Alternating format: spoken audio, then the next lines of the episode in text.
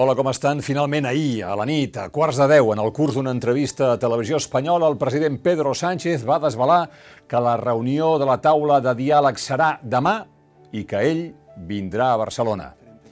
Que Sánchez vingués era un mínim tan important per Esquerra, que està cremant part del seu capital polític defensant la conveniència d'aquesta taula, que és de creure que Sant Jaume va acordar amb la Moncloa que l'anunci el faria el president espanyol. I quan el va fer, a presidència de la Generalitat van respirar alleugerits perquè asseguren que no ha estat fàcil fer pujar un avió al president del govern espanyol i portar-lo a Barcelona en un moment en què Sánchez eh, creu que ell ja complert amb els indults, sobretot de cara a Europa, i no vol que Catalunya li destoroti el que ell voldria que fos una cascada d'èxits de la mà del 74,4% de vacunats que avui hi ha a Espanya, o de l'arribada dels famosos 140.000 milions d'euros de la Unió Europea.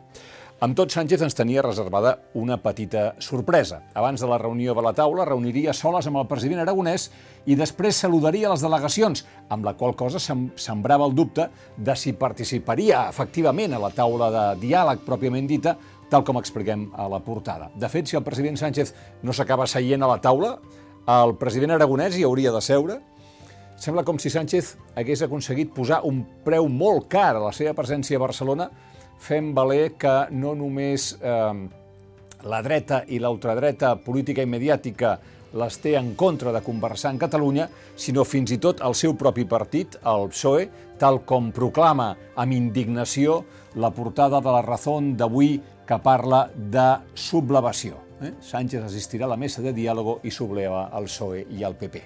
Bé, i de què parlaran? A l'hora que els parlo no es coneix l'ordre del dia, déu nhi però per apaivagar el PSOE i tota la dreta i ultradreta espanyola, Sánchez va deixar clar això.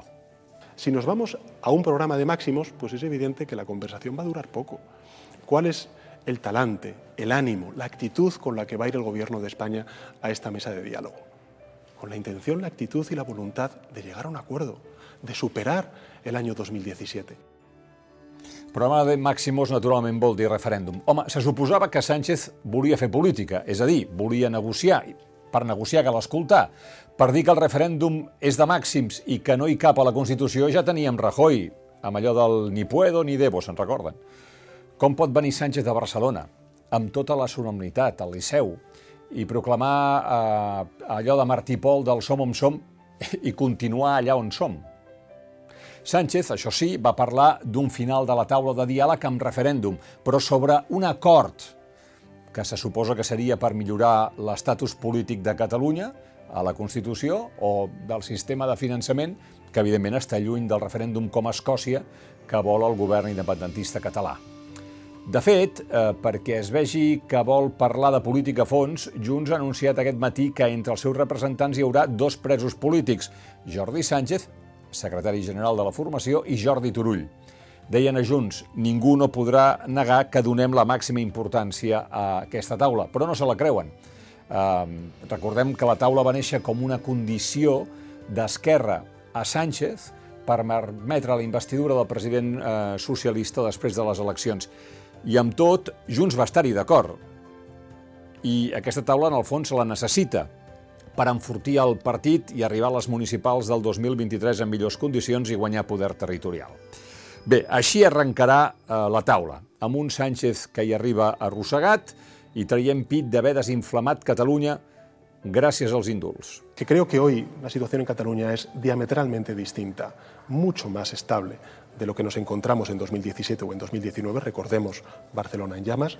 En segundo lugar, que mi tarea La tarea del Gobierno de España siempre ha sido tratar de reducir la distancia afectiva que existía entre los catalanes. Creo que lo estamos logrando con muchísimo esfuerzo.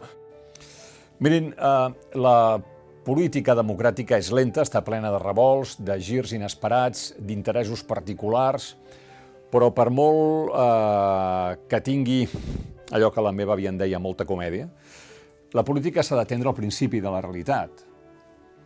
El principi de la realitat no és una fractura entre catalans, com insisteix sempre el president del govern espanyol. I, a més a més, el principi de realitat indica que Catalunya ja fa sis anys que governa l'independentisme, des del 2015, amb majories eh, sostingudes al Parlament. El gran incendi no va ser el d'Urquinaona, pròpiament. sinó la sentència contra un estatut aprovat per la gent. I després les pallisses de l'1 d'octubre i, naturalment, la sentència del judici del Suprem, perquè Espanya sap com posar Barcelona en flames. Ara és l'hora del diàleg responsable, no de les medalles preventives de jo desinflamat. Sobretot perquè Sánchez diu que al final de la taula es votaria un acord. I jo em pregunto, se'n respectaria el resultat? Com a l'Estatut del 2006? Un record pels exiliats i pels represaliats i que tinguem un bon dia.